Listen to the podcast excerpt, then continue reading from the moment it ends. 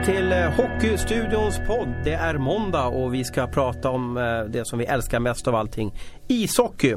Allt från Hockeyallsvenskan, SHL, kanske också lite Hockeyettan. Vi får se var den här resan tar oss. Eh, Hans Abrahamsson, succécoachen. Berätta vad du gjorde klockan 17.00 på söndagen. 17.00 på söndagen, ja då firade jag med ett gäng lyckliga 11-åringar som hade vunnit en kupp i Borlänge där med samtliga spelare på isen. Så det var, nej, det var en fin helg. Och alla vi som känner dig ganska bra vet att när, när, när du får svarta ögon då är det inte att leka med. Och du läxade upp en förälder på läktaren hörde jag i, i Borlänge ishall. ja, jag hamnade lite en clinch där med en finländsk förälder faktiskt som skulle ner, och, ner i vårt bås och, och, och hålla på så att jag sa åt honom. Vad sa du till honom då? På finska eller engelska? Nej, vi körde svensk? engelska faktiskt. Vi körde engelska faktiskt. Jag sa att han fick eh, hålla sig på läktaren så fick vi ta det efter matchen. Så vi hade en ganska het diskussion efter matchen också. Jag tyckte inte att han agerade korrekt. Så att eh, så blev det. Men eh, ja, det, det, är nyttigt att möta internationellt motstånd också. Man ser att det inte fungerar likadant som i Sverige i alla andra länder. Då kan vi inte åka till Finland och inte till Karlskrona då? Det är två ställen som vi inte kan åka till då, än så länge. Ja, jag vet inte om jag bannlyste hela Finland i och för sig. Men, det kan vara så. Ja, ja. kanske inte åker strax norr om Helsingfors i alla fall. Men du, grattis till, eh, till kuppen. Ja, nej, men det var, det var trevligt och det var jättemånga som var med och bidrog där. Det var det som var trevligast av allt.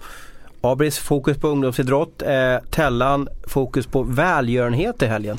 Ja, eh, frugan eh, hade en välgörenhetsgrej här i, i helgen när vi sålde av lite av våra gamla möbler som vi har samlat på oss här under åren. Eh, så att eh, i garaget. Så att hon bjöd över massa kompisar och alla pengar går till välgörenhet. Som vi sålt. Så att eh, hon har gjort det här för tredje året i rad. Jag tror vi samlade ihop nästan 15 000 kronor. Så att eh, det är jättekul. Hon är superduktig på det. Det här ligger lite i eh, NHL-spelarnas DNA att eh, hålla på med välgörenhet va? Mm. Ja, vi har varit delaktiga så länge jag kan minnas i alla fall i, i små, små punktgrejer lite här och var faktiskt. Så att, eh, jag, jag, jag, tycker att det känns jätteviktigt att man kan bidra med lite i alla fall och göra någonting för någon annan. Det, och det försöker vi lära våra barn också. Det, vi lever i ett samhälle där man tänker väldigt mycket på sig själv just nu och uh, kan man göra någonting för någon annan så Ja, så pay forward lite grann som man säger. Mm. Och jag var på Hovet. Var där jättetidigt. Kollade line-upen och var nyfiken om René Bork och, och eh, Andreas Engqvist skulle spela för Djurgården. Det gjorde de inte. Sen fick jag se Djurgården eh, pulverisera eh, Linköping i första matchen. Det var tennissiffror, 6-1, helt otroligt. Djurgården var grymt eh, imponerande på mig. Eh, men det här för ju tanken eftersom det var lag 1 och 2 i tabellen som startade slutspelet, det riktiga slutspelet nu i kvartsfinalspelet. Det innebär alltså att lag 10, Brynäs, tog alltså 70 poäng i SHL. Nu har chansen att vinna SM-guld. Nu kan ju Växjö göra det ganska Uh, göra det ganska snabbt och skickligt, slå bort dem. Men de har ändå chansen Brynäs. Är det riktigt Abris? Nej, och det har jag sagt i flera år att jag tycker det är vansinnigt att man har det här socialslutspelet där lag 9-10 får chansen också att vara med där. Nu handlar det, spelar ingen roll vilket lag det är, Det handlar inte om Brynäs eller de lagen som var där förra året eller vad det är. Utan det är systemfel där tycker jag. Åtta lag som ska göra upp om, i kvartsfinalerna, raka kvartsfinaler direkt.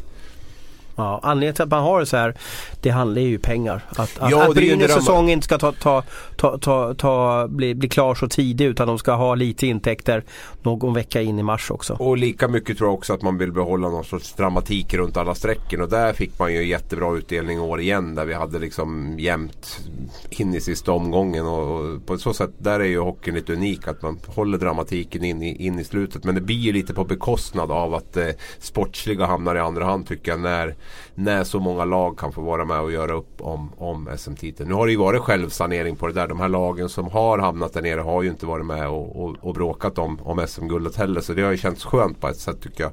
Men eh, det blir lite urvattnat tycker jag slutspelet när man ska hålla på och spela de här åttondelarna och man ska ge lag som, som i stort sett har förlorat hela säsongen möjlighet att spela också. Det tycker jag märks på de matcherna i de här åttondelsfinalerna. Att det är, det är lag med ganska sargat självförtroende som kommer dit. Jag tycker hockeyn är sådär. Och eh, jag tycker inte det tillför mycket.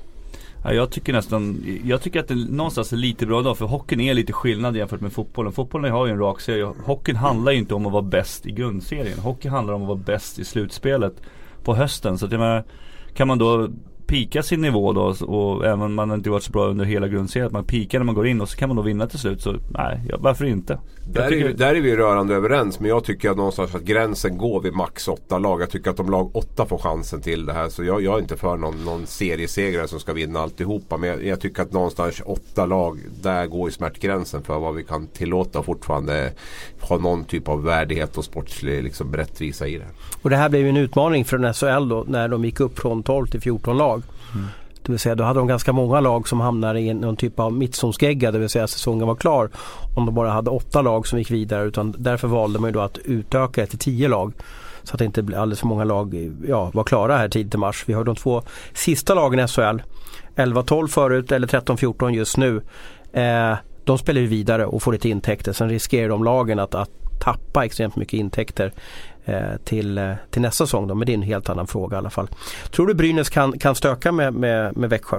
Nej det tror jag inte. Däremot så har jag liksom känt någonstans att den här liksom Brynäslaget är ändå ett bättre slutspelslag än ett grundserielag. Och har man alla hela och fräscha så tror jag att man är ganska jobbig att, att möta. Men nu har man ju extremt jobbig skadesituation plus att man har lite tunt redan innan dess tycker jag på, på forwardsidan. Så att eh, nej, man kan inte vara med och, och störa Växjö här. Eh, med optimala förutsättningar så tror jag faktiskt att man kan bråka med Växjö lite mer än vad man kan göra nu. Hur viktig är den första matchen? Du som har spelat mängder med slutspel Tellan. Eh, om det är en sju matchers serie. Eh, I alla fall jag ser det utifrån att oj, första matchen är så viktig. Nu är det kört för, för Brynäs och Linköping. Mm. Hur, hur ser du på spe, som, som för detta spelare på match 1? Men det är det som är så häftigt med slutspelet också för att det är så många som bryr sig och, liksom, och runt omkring och, så, och, det, och det är det liksom som handlar. Nu torskade Linköping ganska stort men det är fortfarande bara en match. Vinner de nästa match då är det liksom, går bollen över igen till Växjö eller till Linköping. Det är det som är häftigt. Det är det här bollande fram och tillbaka, det mentala spelet som är ett slutspel liksom. Eh, vinner Djurgården nu med 2-0. Så blir match 1 är inte så viktigt egentligen alltså eller? Alltså, alla matcher är jätteviktiga. För det gäller att få ett mentalt övergrepp över andra laget. För alla lag är ungefär lika bra. Nu kanske det är jättestor skillnad mellan Växjö och Brynäs sådär just nu men det är ungefär likadant. Uh, men det gäller liksom att, att, få det här övertaget över det andra laget hela tiden. Och sen om till exempel om Djurgården skulle vinna nu i, imorgon igen och ligga med 2-0.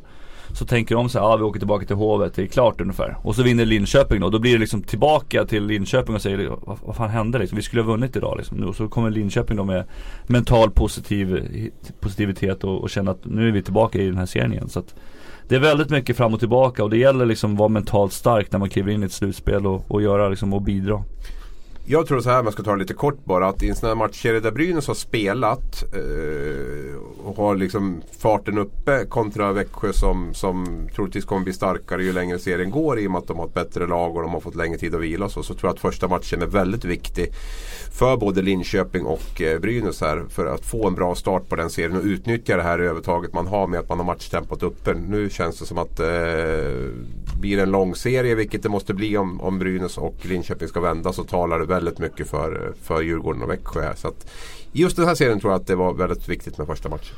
Och, Lin, och Linköping var ju ganska bra faktiskt i början av matchen mot Djurgården också. Det var ju väldigt, de hade nästan bättre, bättre övertag. Sen var det ju då ett litet misstag där som, som hände eh, med Jonas då som Eh, gick ut bakom mål och sen vart det 2-1 ganska snabbt efter det och då kändes det som att matchen dog lite grann. Eh, hade det inte inträffat så, så känns det som att då hade nog Linköping kanske kunnat skaka Djurgården mer än vad det var till slut. Mm. Linköping fick ju en drömstart på mm. Hovet. Och Linköping alltså har, har ju 2-2 i matchen mot Djurgården men med den här matchen igår, Djurgården pulveriserade ju Linköping. Då kunde de liksom dra ner på, på tempot i, i sista perioden och göra det klassiska spela av matchen. Eh, Tellan, du är för detta målvakt. Eh, Linköping valde att byta målvakt efter, jag tror det var 5-1 till Djurgården. Mm. Hur upplever man det som målvakt bli utbytt? Jag tror att det kan vara, i slutspelsserien så tror jag det kan vara ganska skönt ändå. För de, de, jag tror att de kände av att det här håller på att gå rent ut helvete, inte sagt. Och då för att skydda då Jonas. Vadå skydda? Eh, att det inte ska bli 5, 6, 7, 8, 1 liksom. Så, ja. så plockar de ut han i tid. När de känner att fortfarande liksom, det var ju egentligen, det var väl första målet som han kanske gjorde ett dåligt beslut. Sen får han otur med studsen där men Sen var det inte så mycket mer liksom. Uh, och då för att skydda han då för inför nästa match så att han kan börja fokusera på match två så, så plockar de ut han och, och så sparar lite energi. Men får han inte hjärnspöken då? Och de tror inte på mig och, och jag är ett såll och jag släpper in många mål och vad händer? Är inte det där jätteviktigt för en målvakt att ha, ha, ha en känsla att det här laget tror på mig? Ja, det är det som är det tuffa med att vara målvakt också. Är att om man blir utbytt sådär så, så gäller det då liksom att veta varför. Man, ibland, man känner ju själv om man har haft en riktigt dålig match. Om man har släppt tre, fyra riktigt billiga puckar. Nu tycker inte jag att han hade gjort det.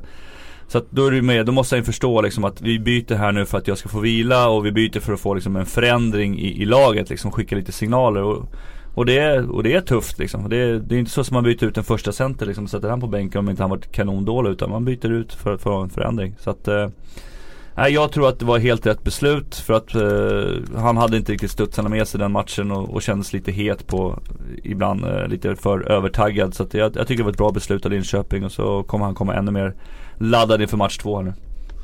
Eh, vad ska Brynäs göra i förvända serien mot Linköping? Eller mot Växjö? De måste ju börja i alla fall med att försöka få tillbaka lite fler spelare så att de har lite mer att, dribbla med. Både på backsidan och forwardkedjan så måste de försöka få tillbaka sina spelare. Sen har ju, sen har ju Brynäs ett spel som, som man har använt ganska frekvent både i slutspelet förra året och även stundtals under den här säsongen. Och det, det är ju det man måste, måste fortsätta med någonstans och liksom försöka ändå komma upp och få press på, på Växjö och inte bara låta Växjö styra matchbilden som, som det behagar dem. För då, för då tror jag man är illa ute. Man, man måste vara där och liksom störa Växjö på, högt upp. Vi får se, den serien fortsätter. Eh, en annan händelse som gjorde att det brann till i vår sms-grupp eller iMessage-grupp som vi har och även som delade, var som en vattendelare i Hockeysverige var det som skedde i Linköping förra veckan när Linköping slog ut HV i åttondelsfinalen eller play-in. Eh, det var då cirka 10 eller 12 spelare som började gurgla på matchvärmningen, det vill säga 30 minuter inför matchstart. Eh, vi hade Bibic och, och, och Mårtensson, eh, Sylvegård, vilka mer var det? Ni får fylla i med namn här. Vilka var det som stod och... Det var inte Tony Mårtensson ja. inblandad? Nick Sörensen fick väl straff där också va? Och, ja och säkert Gunnarsson. Kristoffer Persson. Persson och, ja. ja. Det var många, jag tror det var 10 spelare totalt som, som blev 14. Alltså, 14 som blev dömda för att ha burit sig illa åt va? Eller? Ja i alla fall 14 anmälda. Det kanske var 10 som var dömda. Mm. Men 14, ja, 8 plus 6 var det i alla fall. 8 i HV och ja. 6 i Linköping. Och 100 000 då blev bötesbeloppet då. Mm. Och du tyckte att det här var jättelarvigt det du såg på isen Abris. Varför då? Just för att det börjar bli så förutsägbart tycker jag. Jag har ingenting emot känslor, absolut inte. Och jag har ingenting emot att man kan gurgla någon gång på uppvärmningen heller. Men nu vart det ju liksom när det, blir, när det sker så frekvent som de har gjort de senaste förra årets slutspel och även nu. Man hade episoder i Jönköping först och så kom man tillbaka till Linköping och så startar man någonstans där igen. Och det har ju liksom varit helt utan åtgärder det här också från, från eh, disciplinnämnd och annat tidigare. Så jag, jag har känt att det har liksom spårat ur lite grann, blivit lite tjatigt nästan med de här eh, tjafsen på uppvärmning. Jag tycker liksom när det sker så ofta så tycker jag inte att det tillför speciellt mycket heller. Utan då blir det mer så här slentrianmässigt att de ska hålla på sådär. Och det blir lite negativt tycker jag för hockeyn i stort också. Jag menar, är det det här det ska handla om? Är det det här som måste till för att folk ska gilla att gå på hockey? Då tror jag man är ute på en väldigt farlig väg. Vad är nästa steg? Ska spelarna gå upp på läktaren och börja tjafsa med publiken? Eller vad är en... När folk tröttnar på det här, för det tror jag också att man gör. Då måste ju hockeyn kanske ta ytterligare ett steg då för att locka och skapa känslor och då, då, undrar man lite grann vad ska hända härnäst då i så fall. Vi kan väl innan vi börjar bolla åsikter och tankar om det här. Varför blir det så här Tellan? Varför blir man irriterad på varandra på en matchvärmning? Nej men eh, det är ju så att de, det är ett mentalt spel som vi var inne på här tidigare också. De försöker ju få de andra spelarna ur balans. Vissa spelare har vissa roller i vissa lag eh, för att få andra ur balans. Det började väl med att de började skjuta puckar på målvakten vad jag förstod det som i Ja det, det började nog med också att Sylvegård gjorde, som jag uppfattar en ganska cool grej.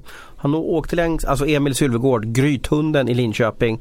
Eh, eh, tandlös, underbar karaktär som, som älskar att komma in under skinnet på, på motståndarna. Han åkte längs röda linjen drog en, en, en myra på, på, på HVs målvakt, det vill säga drog, klubba, drog pucken mellan, eh, eh, mellan klubban och benskyddet på, på den här målvakten som låg och stretchade. Mm.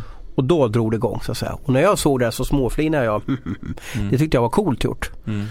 Om det, du hade varit målvakt hur, Det finns, i NHL så finns en oskriven regel, man åker inte över röda linjen, alltså man, man håller sig på sin sida liksom. Det, det är en sån här oskriven regel och gör man det så får man stå upp i matchen sen, man åker på sprö helt enkelt liksom. Ja. Och i SHL så kan man ju inte göra det liksom, för då blir man ju avstängd och tre, fyra matcher. Så det är ju lätt att, att, att spela Allan-ballar när man ser på, mm. på när man, Men här försöker ju båda lagen då ha någon typ av mental kamp. Är det inte det okej okay då eller?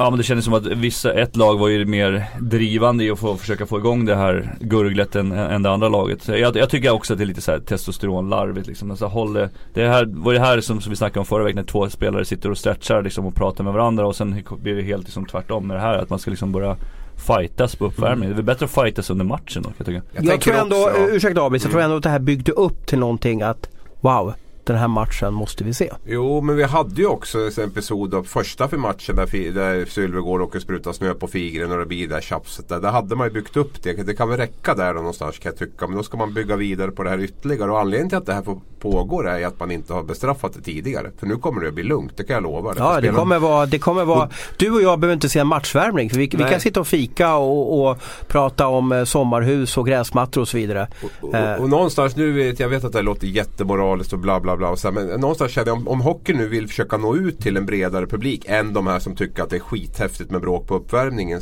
Så måste man ju någonstans markera att det inte är okej okay också. Jag tror att det liksom finns en väldigt liten del som tycker att det här är jäkligt tillhör hockeyn och det här måste vi ha för att det ska vara kul att gå på hockey. Eh, men jag tror att det också skrämmer iväg en ganska stor publik och en del av, av eh, som, som skulle kunna vara en pot potentiell hockeypublik också. Jag var ju i eh, Saab Arena som arenan heter nu för tiden i Linköping. Eh, och när det här skedde så tror jag nästan alla på läktaren tog upp sin mobiltelefon och började fota mm. eller mm. skriva om det och så vidare. Och det måste ju vara en signal att de upplevde det här som lite inspirerande och häftigt.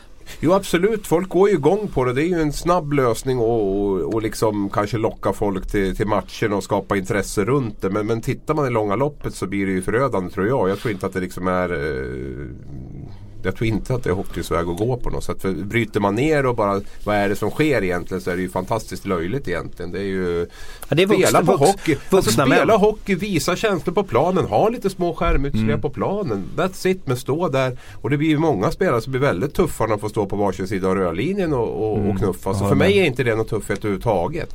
Utan det blir bara, jag tycker bara det är pinsamt som jag sa. Och in och kör, visa på, på vi har sett hur många slutspelsspelare som helst genom åren som har väckt känslor genom sitt sätt att vara på isen och genom att gå in och täcka skott och ta tacklingar och ge tacklingar och sådär. Det, det, det är för mig liksom om man nu ska prata tuffhet då inom, inom mm. hockeyn. Och det håller jag väl också med om att det är klart att det är tuffare att, att, att tacklas hårt, stå upp sina tacklingar. Eh, eh, våga stå framför mål. Thomas Holmström är för mig en av de tuffaste spelarna som han verkligen tar skiten framför mål.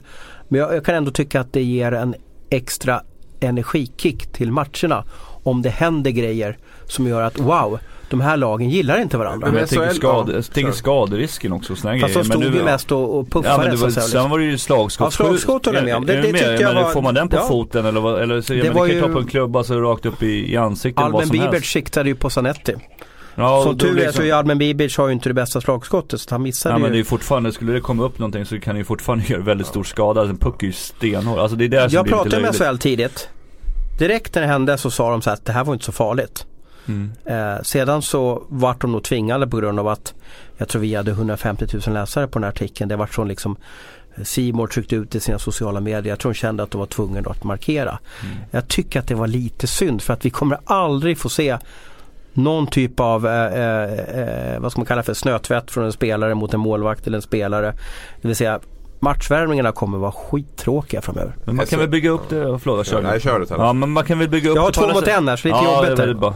Men man kan väl bygga upp det liksom och stå och tjafsa då, bara prata. Måste man använda liksom handgripling och, och göra saker med kroppen? Det är det som är lite larvigt också. Ja. Bygga upp känslan då att man liksom säger, ja för fan vad han, det här sa ja. han liksom om mig eller ja. min familj eller vad, mina Vad säger man där då? Vilken gräns har man? Det finns nog inte så mycket gränser där. Man pratar om flickvänner och ja, ex. Det, det kommer nog fram allt möjligt. Man har ju blivit hånad för det mesta tänkte jag säga. Så att, eh, det är inte omöjligt. Vad, vad är det värsta du har hört och som du har känt att Nej det vill jag, det, det, det, det går inte, det går inte, nej, då får vi köra beep, beep, ja, beep, det är, inte, ja. det är inte rumsrent, så är det men det man måste säga också det här är att SHL har ju verkligen gett spelarna chansen. Du och jag följde HV Brynäs förra året och där var det ju liksom Granström klippte till Elias Andersson spelargången. Så man har ju liksom fått, håller det här på en hyfsat vettig nivå så är det okej okay, liksom. Mm. Och då får vi det här. Men nu, nu har det ju liksom ballat ur och någonstans känner man ju att det här, vi kan ju liksom inte ha tio spelare som står och crosscheckar varandra och skjuter puckar på varandra på uppvärmningen. Vi, vi måste ju bara markera. Vi har gett dem chansen att håll inom rimlighetens gräns så är det okej. Okay, men det, det ballade ju ur liksom och då, då är det ju skyldighet och de måste ju, de måste ju agera i det här fallet. Mm. Har det ballat ur någon match som du varit med? Eh, det har det gjort men inte på uppvärmningen sådär, inte sådär. Det känns som att det skulle fortsätta så blir det som en slapshot, de här filmerna vet man slogs och så kommer domaren ut och så är alla blodiga liksom. Det, det känns lite, men däremot så har jag varit med när det varit såhär bench clearing brawl, att alla hoppar in på isen. Mm, men då blir man, då har du ju en domare som står och kikar på att det här händer. Eh, alltså matchvärmningen det... så alla fattar. Domarna sitter ju och spelar tvånudd eller står ute och spelar tvånudd eller mm. har taktik, taktikgenomgång i domarrummet. De har ingen aning om vad som händer. Nej. Så att det enda de kan göra nu det är att kolla tv-bilderna. Men det gör de ju bara nu för tiden ändå. De kollar bara tv-bilder och så tar ju alla beslut från situationsrummet ändå. Så det här ju, det funkar ju hur bra som helst. De sänds ju direkt, eller Simor bandar ju uppvärmningen och sen är det ju till situationsrummet. Så då slipper man ju den här mellanvägen där inga beslut tas ändå. Vi kanske slutar med att, ja, vi, kanske, vi kanske slutar med att domarna sitter och kollar på tv i domarrummet hela matchen ja, också. lite så. Och ropar ut i högtalarna. Ja, nu är det tripping på, på nummer 21 där. ja, vänta tio år till så har vi nog den typen av Ja. Men varför är inte domarna med på matchvärmningen då? De behöver ju också röra på sig och kolla avskridskorna och hjälmen om den sitter bra och kolla pipan. De ska åka fram och tillbaka på rörledningen då och patrullera då? Precis Som ja. sån här Berlinmuren-aktigt? Ja, jag, jag, jag, jag, tycker att det är synd för vi kommer aldrig med. Nu, nu har jag ju en månad som är den bästa månaden i hela mitt liv framför mig. Och jag kommer aldrig få se tjafs på värmningen och det tycker jag att nu har, har lite din tyckare Abris och lite att det blev så uppförstorat. Det har, har, lite förstört den roligaste månaden i mitt liv. Ja men de kan väl fan slå på varandra och då kan de väl stå och prata med varandra på rörlinjen. Jag tror ja. inte att de kommer bli bestraffade för det liksom. Utan man kan, stå, man kan väl stå och snacka där i så fall om man tycker ja. det. Liksom, man vill liksom jag hoppas de vågar det. Jag hoppas de vågar liksom det. hålla på och crosschecka folk i bröstet och skjuta puckar på varandra. Då, då, då är det väl blås på kontakt. Men vad är okej okay att göra så att säga liksom då? Och, och, och, åka, det finns ju vissa lag som har retat andra lag genom att åka motsols. Det vill säga att man möts liksom sådär. Eh, och sen hade vi ju ryssarna i VM som valde att köra en stare down. Det vill säga ställdes upp på egen blå linje och tittade på när svenskarna värmde upp på andra sidan. Eh, och det uppfattade vi här hemma som att det var en psykchock. Nu har jag förstått att det är ganska vanligt bland mm. Moskvalag i KHL att man har en sån uppvärmningsövning där man tar fart på ett speciellt sätt. Då. Men vad är okej att göra på, på, på en matchvärmning då utan att moralpoliserna och Abris eh, skriker? En verbal diskussion är väl definitivt säkert. Men det hör ju inte vi uppe på Kan man inte sno, puck, kan man inte sno puckarna? Ligger inte alla puckar i mittzonen? Det vore inte det ganska kul eller, om man snor över alla puckar så ja, motståndarlaget får Ja, eller, eller, eller tejp, tejpa snusdosor och, och se ut så att det ser ut som puckar. Mm. Nej men alltså en verbal diskussion kan du väl ändå se att de kanske inte är helt överens och att det liksom finns en um, Wikegård blir ju glad om det blir så i alla fall där då. För då blir det ju liksom, han, de ska ju inte prata med varandra i kärvänlig ton utan de ska ju liksom bygga upp den här eh, rivaliteten. Alltså, då kan de väl stå och prata om eh, när man ser att de är arga på varandra så, så får ju den delen av publiken och eh, experter och journalister sitt ut på det sättet också. Då, att det finns den här rivaliteten utan att det kanske går till handgripligheter. Då. Vad fick du för reaktioner på din eh, eh moralkrönika? Bra fråga Thomas. Jag tänkte faktiskt säga det var väldigt blandat. Extremt blandat. Det var 50-50. Jag la ut något mail om att de tyckte att jag var en kärring och att jag skulle gå till mina väninnor och hålla på och sådär. Men, men, det var faktiskt ingen rättvis bild heller. För det var väldigt delat. Det var exakt 50-50 skulle jag säga där. Och många som tyckte att det var jättebra. Och lika många som tyckte att jag var en pajas och en eh, ja, kärring. Då, är väldigt populärt att uttrycka. Och, eh, sen, ja, sen har vi en annan aspekt också som jag menar, det skriks ju alltid på att SHL ska vara en förebild för, för alla också. Men tänk dig på alla barn. Alltså, ska de börja slå på varandra då på uppvärmningen? 11-12-åringar? Är det mer bara för att de tittar ju på de här matcherna också. De är inte dumma liksom. Nej och det är dit jag vill komma lite. Att man vill liksom vara en, en del av samhället. Man vill mm, liksom vara med och påverka och så. Och då kan man kanske inte. Då måste man nog ta hela paketet där. Och då måste man nog tänka på, på, på hur man uppför sig och hur man beter sig och lite grann sådär. Däremot så absolut kan man ha känslor på isen och, och, och, och sådär. Men, men det går inte att leva på grottstadienivå och samtidigt säga att vi vill liksom söka oss till nya grupper. Vi vill vara en del av samhället. Vi vill ta ansvar och, och, och sådär. Det, det, funkar inte och det är det jag har försökt påtala flera gånger. Jag har tagit av Petter Laso-intervjun till exempel och folk säger att vad fan kan inte... Alltså det, det finns en gräns där och det är likadant. Vi hade Magnus Nygren förra året där med det här som hände efter hans segerfest där och, och så. Att Want flexibility? Take yoga. Want flexibility with your health insurance? Check out United Healthcare Insurance Plans. Underwritten by Golden Rule Insurance Company, they offer flexible, budget friendly medical, dental, and vision coverage that may be right for you. More at uh1.com. Men det, Det är ju för att det finns kameror och eh, högtalare som fångar upp det här. Jo, men det blir så mycket större när man säger, från att ha varit kanske en liten idrottsförening som har jobbat med, med, med ishockey bara. När man går ut och ska vara eh, en del i samhället så innebär det också ett betydligt större ansvar på både spelare och ledare att, eh, att man representerar klubben och att man ska stå för de värderingar som man nu gärna vill, vill, eh, vill visa att man står för för att på sikt få in mera pengar på grund av att man eh, bedriver den typen av eh, samhällsengagemang. Och det, det handlar inte nu, nu står det där med Nygren att det fanns, bara för att det fanns kamera. Men det gäller att han, alltså, det gäller ju att vara så här hela tiden. Det är som det handlar om att vara idrottsman Förebild. Förebild hela tiden. Ja, det är bara för, att, bara för att det är en kamera som har fångat, då hade ju han bara otur. Det är väl sant, men det blir ju större allting. så Ja det är klart det blir större men du ska ju alltid, det spelar ingen roll. Då blir det ju bara en ögontjänare om det bara är när kameran är på också. Och Det det handlar ju inte om att inte spelare får göra misstag. Men Magnus Nygren, alltså, vi har gjort fel allihopa. Det är Mm. inte det. Men man, man ska inte bli förvånad av att konsekvenserna blir ganska stora på grund av att man har liksom gett sig in i en, i en värld där man ska vara en, en samhällsaktör och där, där man är mycket större än bara den här lilla idrottsklubben. Och då, då, blir ju, då faller ju ansvaret också hårt om man, om man ehm, trampar i klaveret.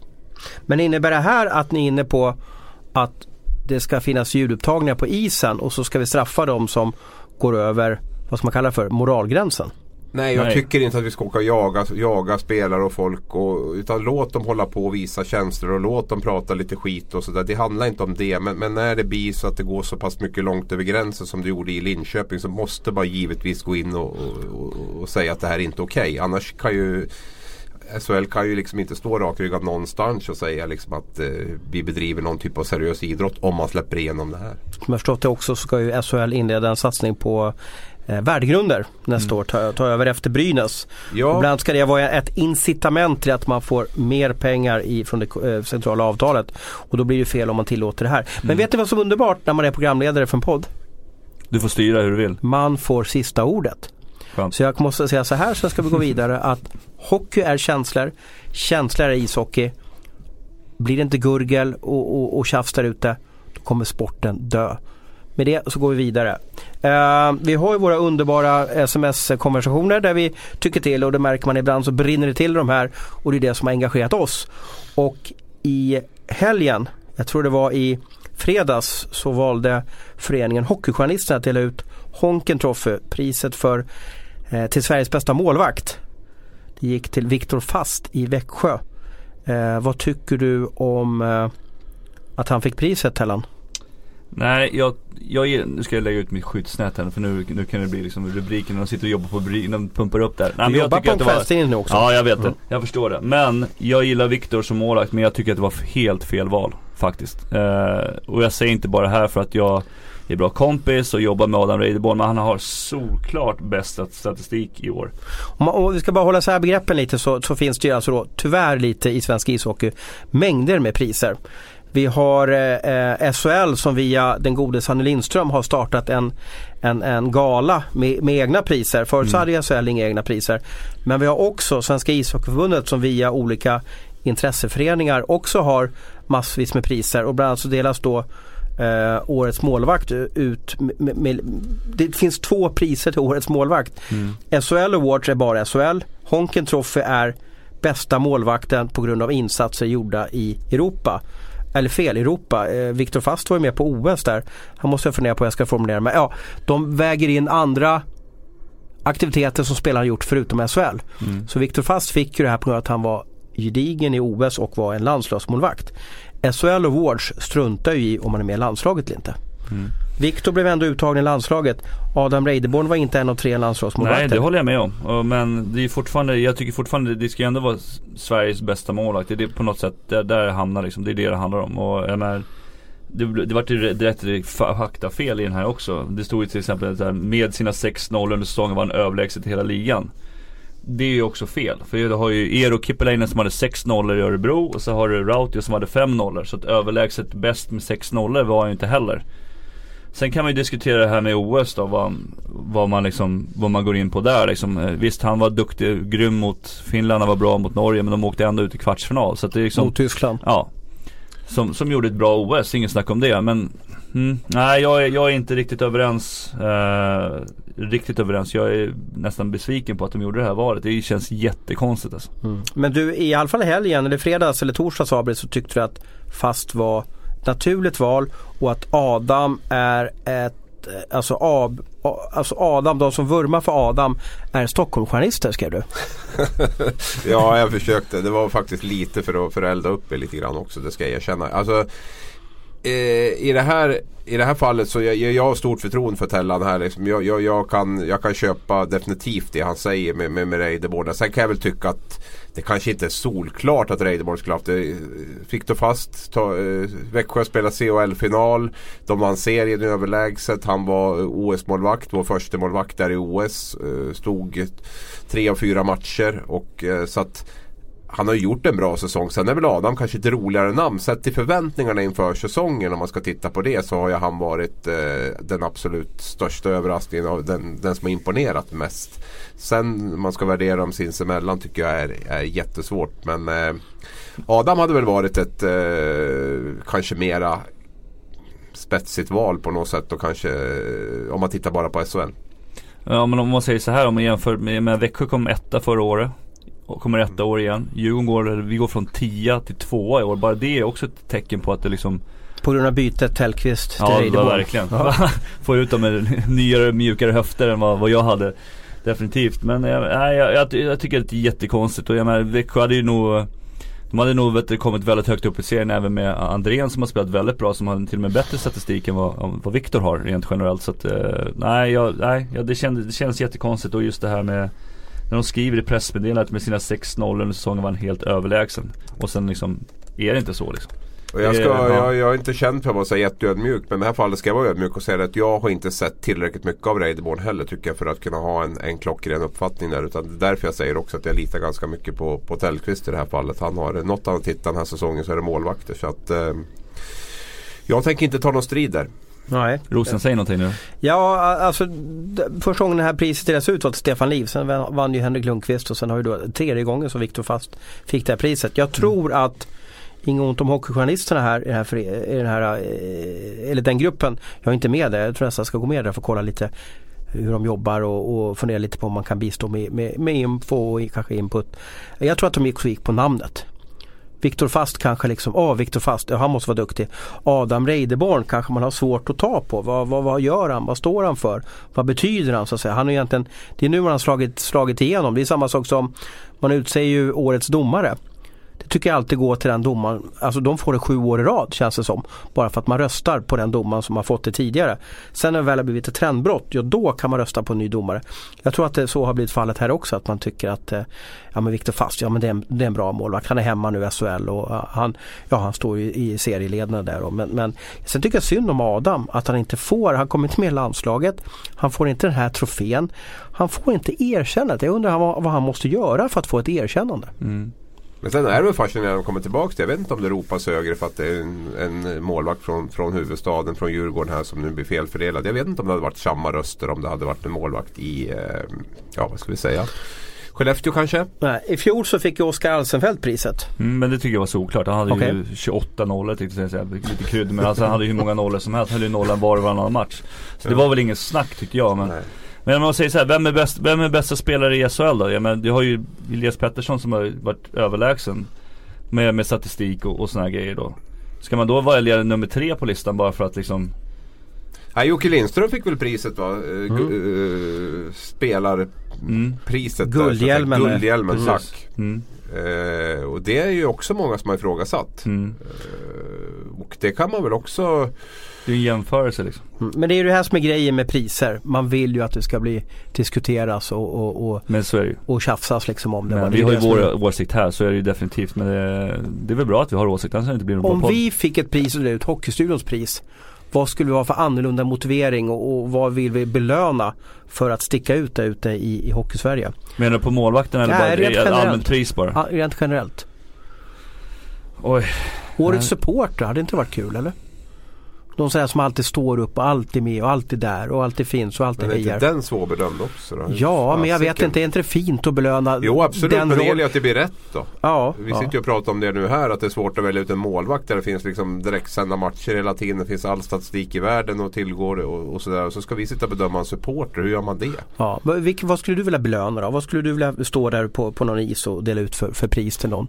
Måste- I, I hockeyfamiljen? Jag måste ju få lyfta fram nu Steve, Stefan Liv Memorial Trophy som jag tycker är liksom är enormt MVP hedrad att sitta med. MVP-slutspel, enormt hedrad att sitta med i den juryn. Eh, det, det priset finns ju redan så det, det är svårt då. Men någonstans för mig vara bäst av de bästa när det gäller som mest. Det tycker jag är eh, jag vet inte om det går att slå det på något sätt. Det, det, för mig är det största. Och dessutom att det är ett pris uppdöpt efter Stefan Liv då som ja, på alla sätt. Jag är nog lite inne på det här med välgörenhet igen tror jag. Vi har ingenting sånt i Sverige där, när, där spelarna liksom, vem, den som är mest för välgörenhet bland, bland SHL. Vi är väldigt dåliga på det här med just välgörenhet i Sverige och det, det, det, det jag lovar att det är många spelare där ute som gör ett bra jobb också, åker till sjukhus och, och samlar ihop pengar och sådana grejer. En sån vet du, award skulle jag vilja ha. Samhällsengagemang skulle man kunna säga. Tänk Så så välgörenhet häftigt. för mig blir, kan bli lite så här liksom rika amerikaner som typ håller på Mm. och här tanter i klubbar som, Mm. som, som håller på te. att sitta. Ja men lite Mm. sådär och så ska de göra. Men, men just det där kanske ett är bra. jäkligt bra samhällsengagemang. Kanske vara ute i skolor. Eh, Precis, helst. snackade, jag läste lite hastigt. Erik Nivas 60 000 tecken från IFK Göteborg där och deras arbete i skolorna och Tobias Hysén och sådär. Så där och där görs det mycket säkert idag. Eller inte mycket men det görs en del idag och det vore väl någonting verkligen att lyfta upp. Det var ju en, alltså och kanske Mm. sporra. Men vad säger du om att göra sån här grejer? Att Hockeystudion tar tag i att, att alla spelare i SHL skänker en, en eh, matchanvänd klubba. Och så skänker vi pengarna till ett välgörande ändamål. Tänk Det- att ha 350 klubbor och sälja dem på, på Blocket. Ska vi ha dem hemma hos dig då eller? Ja, Det kan vi få vara hemma hos mig. Och sen så pengarna eh, skickar vi till välgörande ändamål. Vad, vad tror du vi kan få för ja, eh, Adam Reideborns eh, matchanvända eh, klubba? Vad tror ja, du? Ja, ingen aning men det, det spelar väl ingen roll. 10 000? Folk kan bara- Ja, så mycket vet jag fan om man kan få. Men kan Om de vi få vinner några SM tusen? om de vinner Ja, SM så får Ja, 10 000. definitivt. Ja. Men någon tusenlapp definitivt. Eller vad Jag vet inte om är Igor ju- Hudaceks klubba i Färjestad blir så. Ja, är, det den kan... hel, är den hel då förresten? Ja, jag vet Den inte om den är hel, Den är två delar. Nej men är inte det en liten kul idé? Vi behöver ju inte, kanske inte förverkliga just nu men, men jag tror att matchklubbar engagerar folk. Det är lite kul att ha i alla fall. Mm. Har du kvar gamla Tellan-klubbar som du, som när ni går på middag att du tar med, här får ni en klubba eller? Om jag vill ha någonting med det. Dela Ja. ut gratis, Ja. gratis middag. Ja, jag går alltid runt så liksom på, när jag går på krogen i Stockholm. Ta med, ta med en autograf liksom, delar ut. Frågan är hur vi sköter det. Vi är en ganska stor affär. Jag Vi ska vet, liksom jag sälja vet. ut 250 Nu ska du inte bäsa i det. Nej, nej, Ingen- absolut ingen inte. jävla Nej, stut nej, nu i den här nej, podden. nej, Utan allt är Men jag, möjligt jag, jag Abris. gick igång lite grann på det här med samhälls- samhällsengagemanget där. Kanske vi kan få in lite tips där. För det är ju Ja. också gärna lite så här Sportspegelns pris ungefär. Att man liksom får, får liksom skicka in sina kandidater. Mm. eh, Vilka man tycker har gjort någonting. Och så får vi väl göra en bedömning utifrån det då. Och, eh, det hade varit lite kul. Ja, vi får jobba vidare med det här. Ja, eh, intressant. Två Eh, bra vi, idéer. Vi ska eh, avrunda med att prata, vad ska vi kalla det för? Eh, kvalet till kvalet. Oskarshamn mot Leksand. Eller Leksand mot Oskarshamn. Bäst av tre matcher. Eh, vilka vinner Abis och vilka vill du ska vinna? Leksand. Varför då? Därför att jag tycker att Leksand som eh, klubb bedriver ett eh, bra arbete med juniorer, med damlag, med eh, pojklag, med eh, allt möjligt. Och jag tror att en matchserie mellan Leksand och Mora blir hundra gånger roligare än en matchserie mellan Oskarshamn och Mora. Ja, nej det, Du hade någon kompis i morse som sa att nu måste ni prata Leksand i podden här. Ja verkligen, han ville prata, prata Leksand en hel timme. Eh, Men Leksand engagerar ju, så är det ju. Och eh, jag, jag ser hellre också Leksand i, i, i Men vilka SHL. tror du vinner då? Alltså nu har du ju verkligen Ja. en underdog, Oskarshamn, som har, jag tror de har haft 49 spelare under säsongen. Mm. De har inte räknat med det här. De är nu alltså en av tre klubbar som har chans att ta sig SHL. Mm. De har aldrig varit så här nära SHL. De var med i en kvalserie för massa år sedan. Men jag vill nästan påstå att de är närmare nu än de var i den kvalserien. Men de har ju ändå gjort en plan. De vill ju ändå, vad då, 2020 någonting har de snackat om att de vill vara i SHL igen liksom. Eller att de vill upp till SHL. De hade ju Mm. någon plan där som, som eh, sportchefen har gått in på liksom. Så att, jag menar, då är de ju, de är ju på rätt väg och de har ju uppenbarligen jobbat efter, efter en, eh, en process som de, som de driver för. Så att, men eh, jag, jag tror att Leksand blir nog för, för ett, stor, ett nummer för stort, det tror jag. Mm. Eh, jag har ju sett Leksand den här säsongen väldigt mycket. Eh, jag tror att de eh, en jäkla press och stress där uppe på dem. Eh, de är nervösa och speciellt när det blev Oskarshamn så är det också ännu mer att förlora. Skulle de förlora mot Oskarshamn, det vill säga åkte ut 3-0 mot Timrå och vi leker 2-0 mot Oskarshamn. då är det inte roligt att vara Leksandsspelare. Får de springa i grusgropen Ja men då då, gå på Noret uppe i Leksand då, det är inte roligt för dem då. Mm. Eh, första matchen, ja, vi, ni pratar om att nu, första matchen inte var så viktig men jag tror det är bisarrt viktig. För nu, Oskarshamn bussar sig upp under måndagen Mm.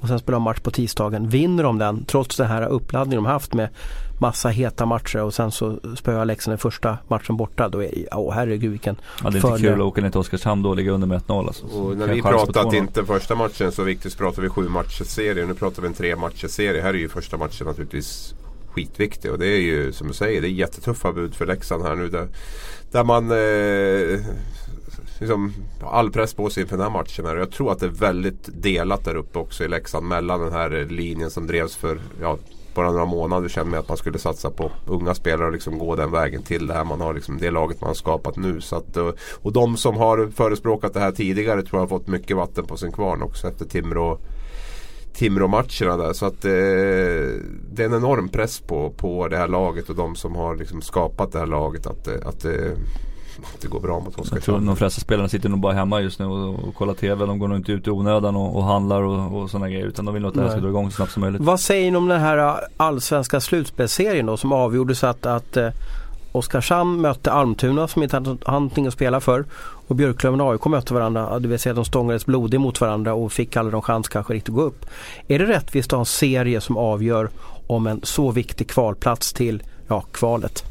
Ja, jag, har ju- jag har sagt det där. Kvalseriedyrkarna har ju liksom varit jättearga att den försvann mellan SHL och, och Allsvenskan. Jag, jag tycker att nuvarande system är bättre. Jag skulle gärna se att det även infördes fördes neråt. Att vi slipper matcher typ där Almtuna som inte har någonting att spela för ska möta ett lag som...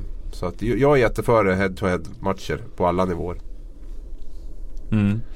Ja, jag, jag, det är svårt. Ja, men det skulle ju kunna vara tvärtom också. Att jag menar, Södertälje mötte Uh, vilka var det nu då? Panten, Almtuna. precis. Ja, Nej, men att de, de kanske eventuellt, de har inte hade någonting att spela för. Så det, det är ju svårt att sätta serien innan hur, hur man vet hur det ska se ut. Ja men då riskerar man inte Ja, att det nej, blir det, det gör man ju inte. scenariot. Definitivt så att, inte. Så att, för jag, jag bryr mig inte så mycket om vilket lag som hamnar. Jag tycker bara att så få lag, eller inget lag ska behöva hamna i den situationen. eh, Som, som det blir då med, med de här lagen som inte har något att spela för. Mm. Vad är en pudel för dig eh, Abris?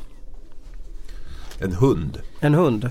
Finns det något annat som du tänker på när du hör Mm. Jag gör ordet? aldrig pudlar. Nej. Det är bara jag som Nej, gör det. alltså det, det, det, det har man gjort många gånger absolut. Och man kanske skulle göra det ännu oftare. Vad är din man största pudel du har gjort någonsin då? kan inte Tella få prata om sin först så får jag fundera. Ja, varför vi kommer in på att vi hade en podd förra Ja, veckan. nu vet jag. Jag, jag tippar SM-guld till Djurgården där det, det året de åkte ur. Eh, Hardy Nilssons sista år där. Ja just Jag det. hade tippat SM-guld till Djurgården innan, eh, innan säsongen. Men är det en pudel egentligen? Alltså, det är ju bara Nej, att du, du, du tippade fel och jag menar, och var bra på att tippa då skulle inte du och jag jobba här. Då skulle du och jag sitta och spela på Lången Roddset varje dag för då hade vi liksom varit Inte bo i kungar där. Sverige, bo utomlands någonstans. Ja, du skulle sitta på en fin båt utanför Kreta och, och dra in tipsmiljoner liksom då. Ja, det har i och för sig en poäng där. Det har det. Det är ju någon, säkert, någon övergång säkert. Jag kommer, ja, det måste väl vara det. Men skicka över den till Tellan så ska Ja. jag fundera. Och, och anledningen till det här det var att förra, förra veckan så hade vi en podd och så skulle vi ta ut varsin drömvärvning. Eh, jag tror, tror, tror med att Tellan tog ut, hur många tog du ut? Tre. Tre stycken, Ja. precis. Eh, och efteråt så började jag få sms från folk och några målvakter hörde av sig till mig. Och, och, och jag tror inte de vågar skicka till dig bara för att du kanske är för stor och, och sådär var liksom då. Men det var en målvakt som sa så här. "V- v- Vad menade Tellqvist att Anders Nilsson skulle till Timrå? Ja, jag, jag gjorde en poddel som du förklarade det. Va? Ja. Det var vår egen poddel. Poddel. Men eh, jag, jag fick helt enkelt bajs i hjärnan kan man säga rakt ut sagt. Att jag blandade ihop Anders Nilsson med Anders Lindbäck. Eh, så det är Anders Lindbäck jag menar naturligtvis som, som skulle till Timrå så att, eller, eller Brynäs. Så vi får se. Så att jag gjorde ett, ett misstag där och får be om ursäkt om det. Det, Ja. det är så det blir. Och jag fattade inte, jag tänkte liksom Anders Nilsson, ja för han är ju så starkt förknippad med, med Med Luleå, och hans ja. pappa är Luleå-ikon Mm. och så vidare. Eh, eh, och han pratar ju liksom lugn och, och sävlig norrländska. Men jag tänkte då hade det säkert en poäng där att, att ja, hans spel eller hans plockhandskar skulle funka bra i, i Timrå. Men det var alltså Ni då, var för rädda helt enkelt att säga någonting också. Vad sa du? Ni var, ni var för rädda för att säga Jag någonting ihåg- också. du Ni ihåg- slängde mig under bussen också rätt rejält. och då så tror jag vi satt helt tysta här och jag vet inte om vi tittar på varandra men Men jag jag, kopplade inte Lindbäck. Det var det som var Nej. lite grann. Jag, jag fick liksom inte ihop att det var Lindbäck han menade. Annars så brukar man ju vara ganska Jag fick ju rätt på första namnet i alla fall, det var ju skönt. Ja. Precis, precis. Ja, efternamn är inte så viktigt. Och det är det som är underbart, det är väl bara att säga att man har haft fel. det är Ja, inte så. nej, Jag, men jag, jag har haft bara fel. för att klargöra alltihopa. Jag har ber haft fel så många gånger så att säga och, och, och bland annat så gjorde jag en övergång eller hade en övergångsrykte för massa år sedan där jag skrev att eh, Valery Kamensky skulle till Linköping. Vad pratar vi nu? 0-0 eller någonting sånt där liksom då. Eh, eh, eh, och sådär. Och jag skrev att han var på väg bara och kan hamna där men, men det här vart ju liksom eh, ramaskri om det här. Så att det var, för, Mm. för han hamnade ju inte där till slut och så där, där fick jag väl göra en, en pudel att, att jag hade gått på uppgifter som inte stämde. Så det är väl klart man måste pudla. Eller Mm. ibland har man fel. Man kan väl inte, vill vi inga robotar? Men Tellan hade ju inte fel heller egentligen. Han sa ju bara fel efternamn. Är det en pudel också? Ja, jag vet inte. Jag vet, vad jag, vi får nej, väl, han får, menar ju Anders Lindbäck och så sa han fel efternamn. Ja, Det, det var ju, det. Jag var ett mycket- misstag. Fick liksom. mycket, mycket puckar i huvudet, nu kommer det. Kan ni sitta och tänka allihopa här. Ja. han, han hade ju en genomtänkt grej som, Ja, ja. han, som, Så- han, som vart fel. som- som- vad ser ni fram emot hockeymässigt den här veckan? Vad är en måste-upplevelse för er den här veckan? Första matchen Leksand-Oskarshamn. Är det så? Ja, den vill jag se. Du tycker, du går igång på dem alltså? Ja, jag går igång. Jag vill se hur Leksand klarar av det här. Just men är att- det inte lite att du gillar att Leksand förlorar också då? Nej men jag, jag, det är inte så utan jag, jag tycker Leksand hör hemma i SHL. Det har inte med det att göra. Men däremot så är jag kritisk till det här med, med här lånen och spelare. Det är jag väldigt kritisk till. Att Oskarshamn har, har, har bedrivit sin Nej, att, att Leksand har Jo, men lånat. Ja det också. ja, ja, Ja, det också. Men de, de har gjort det enligt reglement. Så det är inte det. Men, 49 spelare de använts av den här säsongen i Ja. Oskarshamn. Men det som jag var inne på mer är att Leksand har lånat in spelare som egentligen inte tillhör Leksand. Det, det är kritiskt. tänker på tyskarna ja, där? Det, det, Pieta och Müller. Ja, jag tycker det är jättekonstigt. Just att liksom, hur ska man få dem? Alltså det är skillnad om man lånar in dem och sen erbjuder dem ett kontrakt om de skulle gå till SHL. För då har de någonting att spela för. Nu vet jag inte riktigt vad de har att spela för liksom. Pengar, eh, förlänga säsongen och kanske komma bra förberedda inför VM. Men det är också nu, vi säger att säsongen tar slut nu. Mm. Eh, vad blir det? 20 mars eller någonting. Så har jag en och en halv månad kvar. Då har de ja precis för att inför VM. Så att, Mm. ja, jag, jag vet inte hur det är VM då. Vad ser du fram emot i veckan? Vad ska, du, vad ska du bevaka? Jag åker till Leksand på tisdagen och sen så tror jag att jag ska ut och, och kolla säkert någon kvartsfinalhockey. Men vad, vad, vad ser du fram emot? Eh, jag ser nog fram emot Färjestad-Skellefteå kvartsfinalen. Den känns nog på förhand som den mest intressanta tycker jag. Eh, jag Varför ska- då? Eller hur tänker du? Ja men lite Det känns som att det kan bli lite känslor där. Den känns väldigt oviss på förhand även om jag tror på Färjestad. Eh, Vi har lite profiler där med Dick Axelsson, med Bert Robertsson, med lite...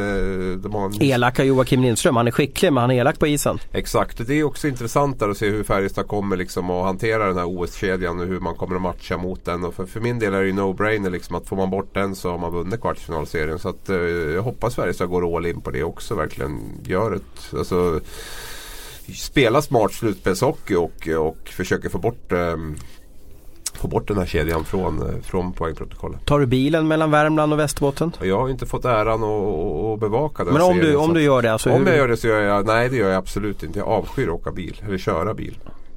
Den, den, jag håller med dig, Skellefteå berör och, och man älskar att vara i, i Kraft Arena i, i Skellefteå för de har en jumbotron som är gigantisk. Mm. Och de är extremt skickliga i den här klubben att använda jumbotronen, eller mediakuben vill de säkert kalla det för, till sin egen fördel. Så när någonting händer och, och domarna kanske inte ser det, ja det pumpas ut alltså. De eldar igång publiken då. Det som är tråkigt med den här matchen, jag tror Skellefteå kommer ha väldigt svårt att fylla sin hall första matcherna där. Ja, man har ju, man har ju verkligen känt av det här med framgång och, och, och liksom man är bortskämda där uppe och har blivit med de här framgångarna. Sex raka SM-finaler och allt vad det är för någonting. Så att de, de, har tufft där uppe. De, de, eh, de går inte i spinn över en kvartsfinal i, i Skellefteå numera. Utan det, det, var, det var tio år sedan man gjorde det. Så att det, det kommer att bli tufft. Men jag hoppas man lägger in en offensiv där P.A. Israelsson liksom verkligen gnuggar igång nu och kanske släpper lite grann på sina dyra biljettpriser som man gärna vill hålla fast vid. Och, så där, och liksom fyller hallen där nu så att det blir, blir drag runt grejerna. Lite presskonferenser som vi kan se fram emot kanske förhoppningsvis med Mr Robertson. Ja, Ja, jag satt och tänkte på det. Pennerborn ja. känns ju väldigt sådär... Har de ingen eh, annan de kan skicka fram då Färjestad? Massey Source kanske eller? Ja, det. precis. Alltså, både, det känns ju som både Geron och Ante Karlsson också är ganska sådär... eh, Men Geron kan vi är det det? Ja, det vi får hoppas på är Dick versus Bert. Ja, det, jag hoppas det händer Ja. grejer Det på låter, som isen. en, Ja. det låter som en, en tecknad serie men det, Under ordinarie matchtid, att det händer grejer där. Varken Mm. på presskonferenser Ja. eller på uppvärmningen utan på isen. Riktigt härlig batalj där mellan, mellan två lag som ju har varit riktigt stora om vi tittar 10-15 år tillbaka. Två dynastier som mest, Ja, under 2000-talet kan vi säga det. Även om Skellefteås kom igång eh, en bit in på 2000-talet. kör försiktigt Abris och, och ta det lugnt på vägarna och Tellan lycka till med, med, med allting som sker på Ingarö och, mm. och underbart att, att du håller på med den här välgörenheten. Det, det, är stort så att säga. Jag, jag är inte där i mina tankar. Ska jag sälja någonting så gör jag det tyvärr för att det ska in i min egen plånbok. Men en dag ska jag också hålla på med välgörenhet, det mm. lovar jag. Bra. Tack för att ni lyssnade och eh, eh vi älskar er.